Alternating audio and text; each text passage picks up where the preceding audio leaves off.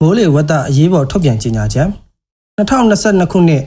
မေလ9ရက်နေ့တွင်ကပလီပင်လယ်ပြင်တောင်ပိုင်း၌ဖြစ်ပေါ်လာသောလေပြင်းအားနှင့်ရဝုံသည်ဘင်္ဂလားပင်လယ်အရှေ့တောင်ပိုင်းသို့ရောက်ရှိနိုင်ပြီး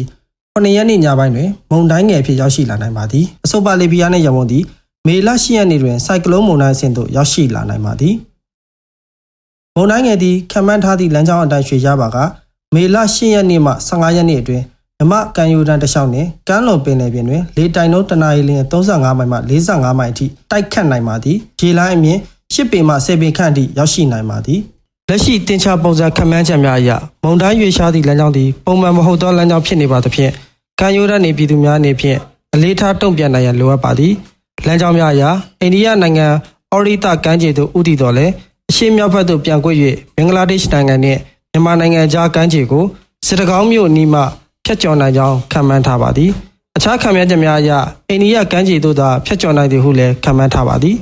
မှတ်ချက်ပတ်ဝန်းကျင်ဤပြောင်းလဲနေသောမိုးလေဝသအခြေအနေပေါ်မူတည်၍နေ့စဉ်တွက်ချက်ပေးနေသည့်တင်ချပုံစံခန့်မှန်းချက်များသည်အချိန်နီးကပ်လာသည့်နှင့်အမျှပုံမမှန်ကန်သည့်ခန့်မှန်းချက်များရရှိနိုင်ပြီးအချိန်ဝေးကွာပါကကွဲလွဲမှုအနေငယ်ရှိနိုင်ပါသည်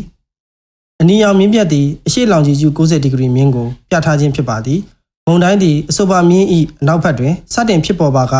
မြမမုတ်တုံအပေါ်တက်ရောက်မှုများစွာမရှိသည်ကိုသတိပြုနိုင်ရန်ဖြစ်ပါသည်မုန်တိုင်းငယ်၏ပြောင်းလဲမှုအခြေအနေများကိုထပ်မံထုတ်ပြန်ပေးသွားပါမည်